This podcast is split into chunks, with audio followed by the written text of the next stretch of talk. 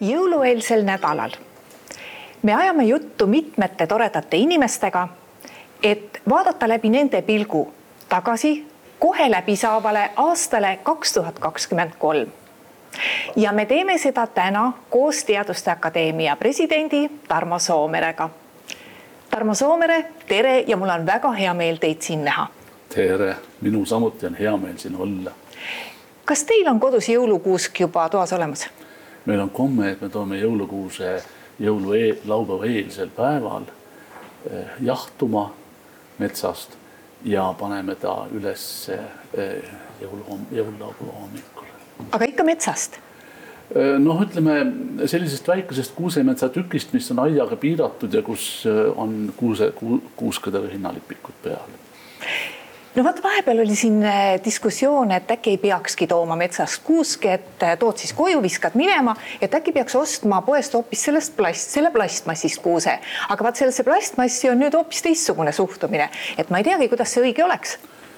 Jah, plastmassi suhtumine on tasapisi muutumas, et kui rehkendada see plastmasskuuse äh, mõju loodusele kogu tema elukaare vältel siis on see palju suurem kui kümmekonna metsast võetud kuusekese, kuusekese võtmise kaudu tekitatud mõju.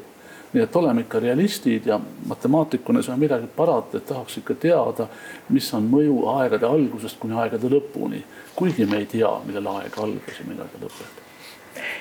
kui me räägime mööduvast aastast, siis see viimane suvi oli ju erakordselt kuum meil siin Eestis oli küll kuu aega põuda, Kesk-Euroopas oli tavapärasest kuumem ja Lõuna-Euroopas oli kohe eriti kuum, nii et nemad hakkasid rääkima, et see hakkab nende traditsioonilist elu juba muutma, et turistid kasvõi ei tule enam kohale nii kuuma kliimasse. kas me võime nüüd öelda, et äh, see on üks märk, et kliimamuutused on Euroopas käes? üks konkreetne kuumalaine, üks konkreetne kuum suvi, isegi üks konkreetne kuum aasta ei ole, ei anna alust lõplikult öelda, mis on muutunud.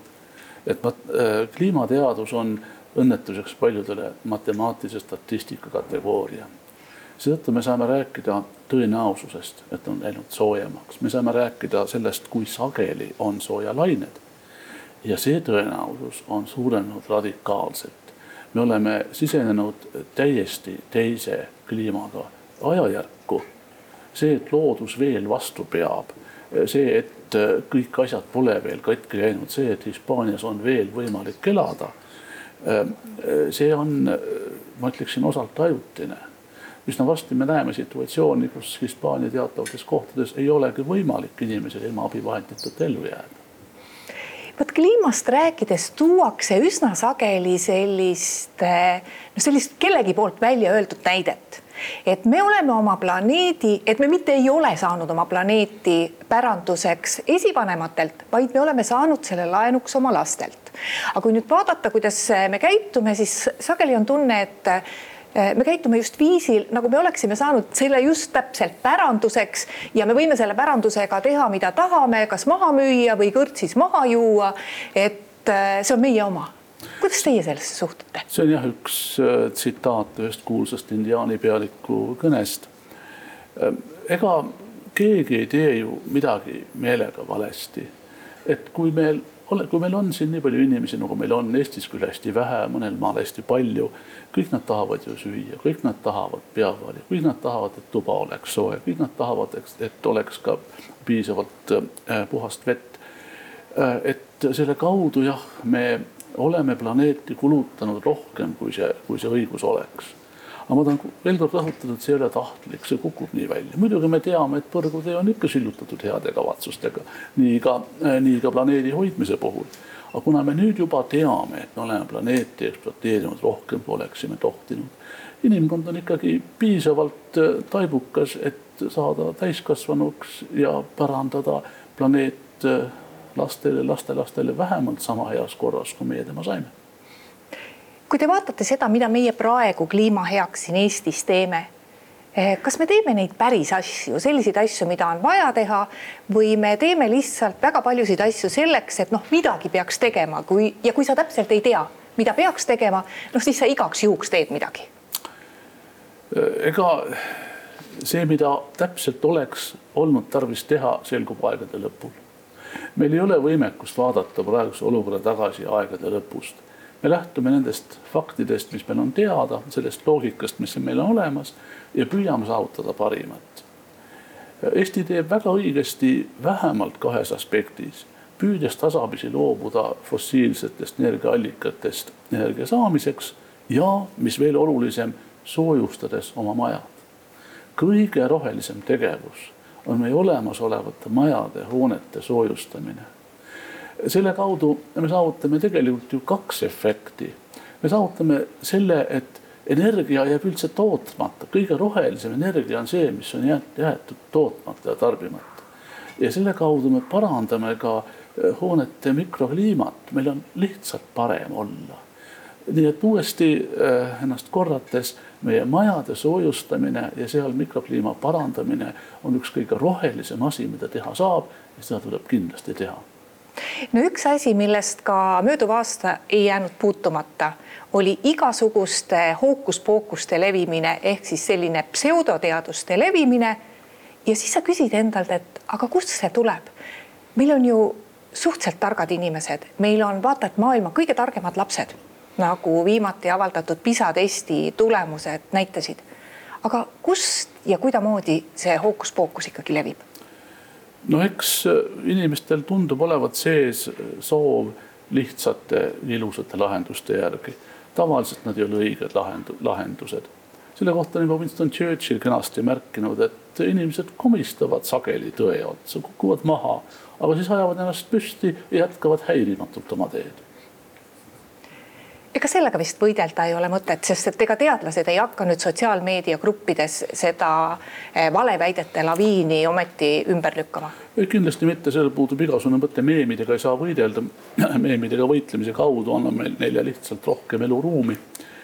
see, mis tuleb teha, on täiesti teine.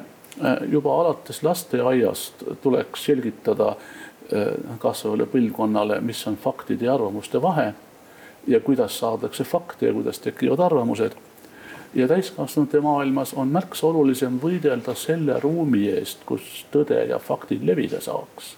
nii et mitte meemidega, vaid hõivates sotsiaalmeedia, klassikalise meedia korralike tõestatud faktidega ja nende adekvaatsete interpretatsioonidega. see on see, mida teadlased kogu aeg teevad ja järjest rohkem teevad. seda hüütakse teaduse populariseerimiseks ja teaduse kommunikatsiooniks, kommunikeerimiseks ja mul on väga hea öelda, et minu proua ütleb, et ta on peaaegu väsinud sellest, et iga söögi alla ja söögi peale tuleb raadiost ja lehest teadust. Ja see on väga hea, nii tulebki teha. No ometi on tunne, et mõni aasta tagasi, kui meil oli koroona, vaat siis tunnetati, et teadlasi on väga-väga vaja, et see teaduskommunikatsioon käibki niimoodi läbi kriiside, et siis, kui on jälle head ajad, et, et noh, et võib-olla siis unustatakse teadlased nagu ära või ma ei tea, kuidas teile tundub no kui on head ajad, siis ei ole üldse tarvis millegi üle mõelda, siis saab ju ka ilma üldse enam mõtlemata läbi.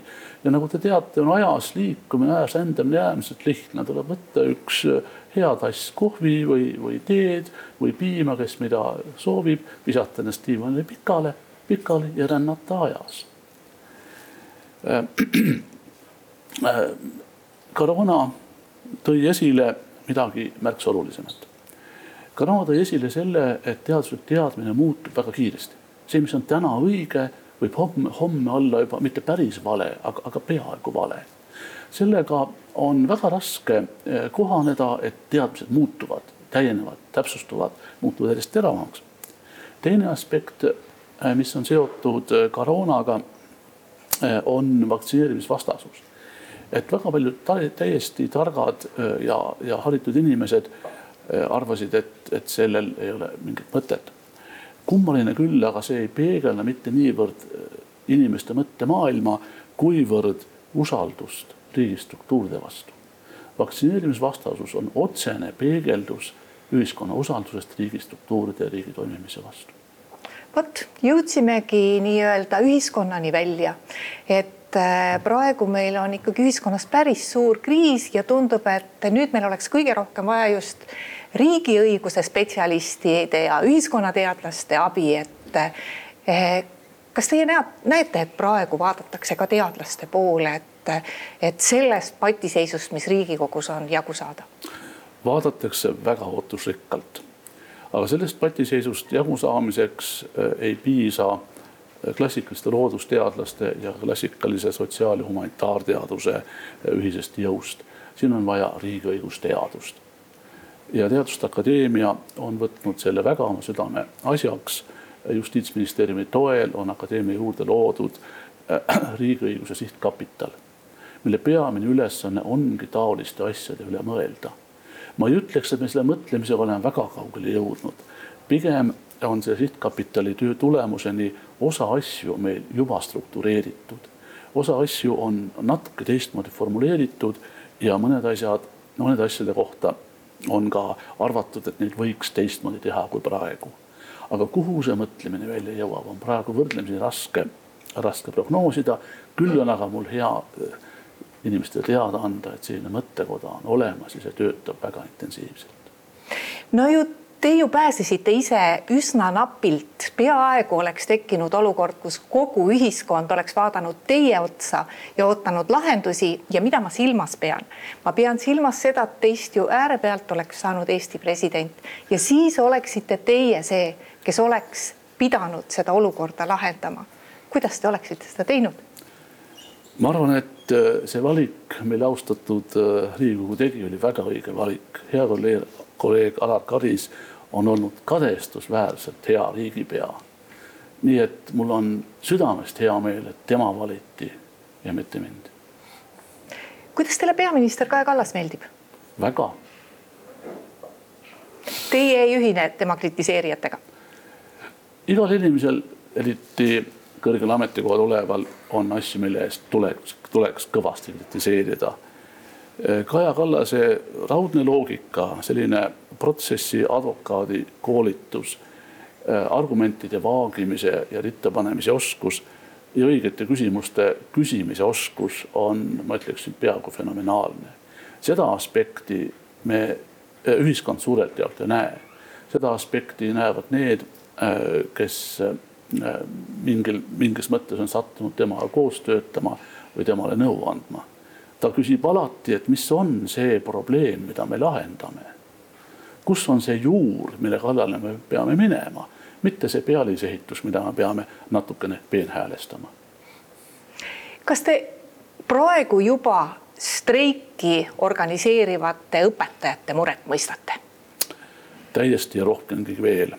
umbes kümme aastat või veidi rohkem on õpetajate töökoormust äh, vaikival moel suurendatud eh, ja ilma neile reaalset kompensatsiooni selle eest, selle eest pakkumata. võib-olla veel olulisem, eh, mida õpetajad väga palju tunnevad, et eh, nende arvamus on täpselt sama kaaluga kui nende laste arvust, keda nad õpetavad. et see on põhimõtteliselt vale, et me peame ikkagi ühiskonnana aru saama, et haritud väga hea väljaõppega tarkade ja kogenud inimeste arvamus on vähemalt natukenegi rohkem väärt kui täiesti statistilises mõttes juhusliku inimese arvamus. ja praegu on ju asi nii kaugel, et nii mõneski koolis, koolis õpetajad peavad rohkem tegelema lastevanematega kui lastega. et see ei ole põhimõtteliselt õige, see on see, mille kohta saame kasutada sõna, sama sõna, et õpetajate tööd ja pingutusi ei väärtustata nende arvamustele, nende kogemustele, teadmistele ei anta rohkemat kaalu kui juhuslikele arvamustele. Tarmo Soomere, kui me vaatame, mida teadusmaailm saavutas kohe lõppeval aastal, siis eh, missuguseid kõige geniaalsemaid saavutusi meil mööduvast aastast meelde jääb? Eh, ajakiri Nature on praeguseks pannud äh, nii-öelda võrdlusbaasiks või arutluse alla üle kahesaja viiekümne teadussaavutuse. on täiesti kummalised, mingid nagu pealtnäha pisiasjad, et äh, hästi äh, väga kaua aega tagasi olid ka äh, meessääsed võimelised, võimelised verd minema, nüüd enam ei ole. otsitakse musta aine eriomadusi, et varajane must energia oli see, mis universumi käiku võis mõjutada selliseks, et ta on selline, nagu praegu ta on. mingid linnud tundub ole, tunduvad olevat intelligentsemad kui inimesed ise. delfiinid on suuteline tajuma elektri välja. et see skaala, kuhu ulatub inimmõistus ja millest me oleme jälle aru saanud selle aasta jooksul, see on täiesti fenomenaalne. praegu on veel võib-olla raske tulemusi kokku võtta, eks jaanuarikuu jääb selleks kuuks, kui, kui vaatame siis tegelikult tagasi möödunud aastal, sest natuke peab settimiseks ka aega jääma. no vot ja nüüd on see aeg, kus me hirmsasti kõik ju valmistume jõuludeks. kuidas seletada jõule läbi teaduse või ma ei tea, kas seda on üldse vaja teha? kindlasti oli seda vaja teha. mõned asjad on inimestes lihtsalt olemas geneetiliselt mõned asjad on, on konstruktsioonid. aga nagu ütlevad sakslased, et aitäh ütlemiseks peab alati aega leidma. jõulude aeg on ju üks, üks aitäh ütlemise aeg, ka enesesse vaatamise aeg, ka patareide laadimise jaoks peab alati aega võtma ja miks ei või seda teha üheskoos eh, ma saa-, palusin teil siis, kui me seda kohtumist kokku leppisime, et te tuletaksite meelde või otsiksite välja mõne jõululuuletuse Te olite kenasti nõus ja nüüd ma palun teil see ette kanda. jah, siia käivad juurde nagu mõned sõnad, et äh, teadlasena on mul raske korrata asju, et ma pean kindlasti ütlema, kes oli see autor ja ma pean ka väljendama oma suhtumist. seetõttu ma vaatasin natuke asja, natuke teise külje pealt ja jõudsin äh, luuletajana, kelle nimi on Attikus, ta varjab ennast selle pseudonüümi taha. mulle kohutavalt meeldib üks tema ütlus, mis kõlab nõnda, et et elu on kunst teeselda, et sa oled normaalne. ja tal on üks äh, hästi kena vabavärsis luuletus, mis viib jälle jõuluajani või jõulutundeni. ma püüdsin selle kuidagimoodi eesti keelde panna, mitte luuletusena, aga, aga pigem peegeldusena. Ähm, ja see kõlaks umbes, umbes nõnda, et ma teadsin kord neidu kes siis, kui me oleksime jäänud lumetormi kätte kitsukeses telgis, ohtlikul mäenõlval ja kui asjad oleksid olnud päris hapud, oleks ta lihtsalt naeratanud hästi rahulikult ja öelnud näiteks laulame ühte jõululaulu. aitäh. kas see luuletus läheb ka jõuluvanale ettelugemiseks? jah. Tarmo Soomere, ma väga tänan teid selle toreda vestluse eest ilusat jõuluaega. ja aitäh ka kõigile neile, kes meid vaatasid. meie homses saates oleme siin juba koos uue külalisega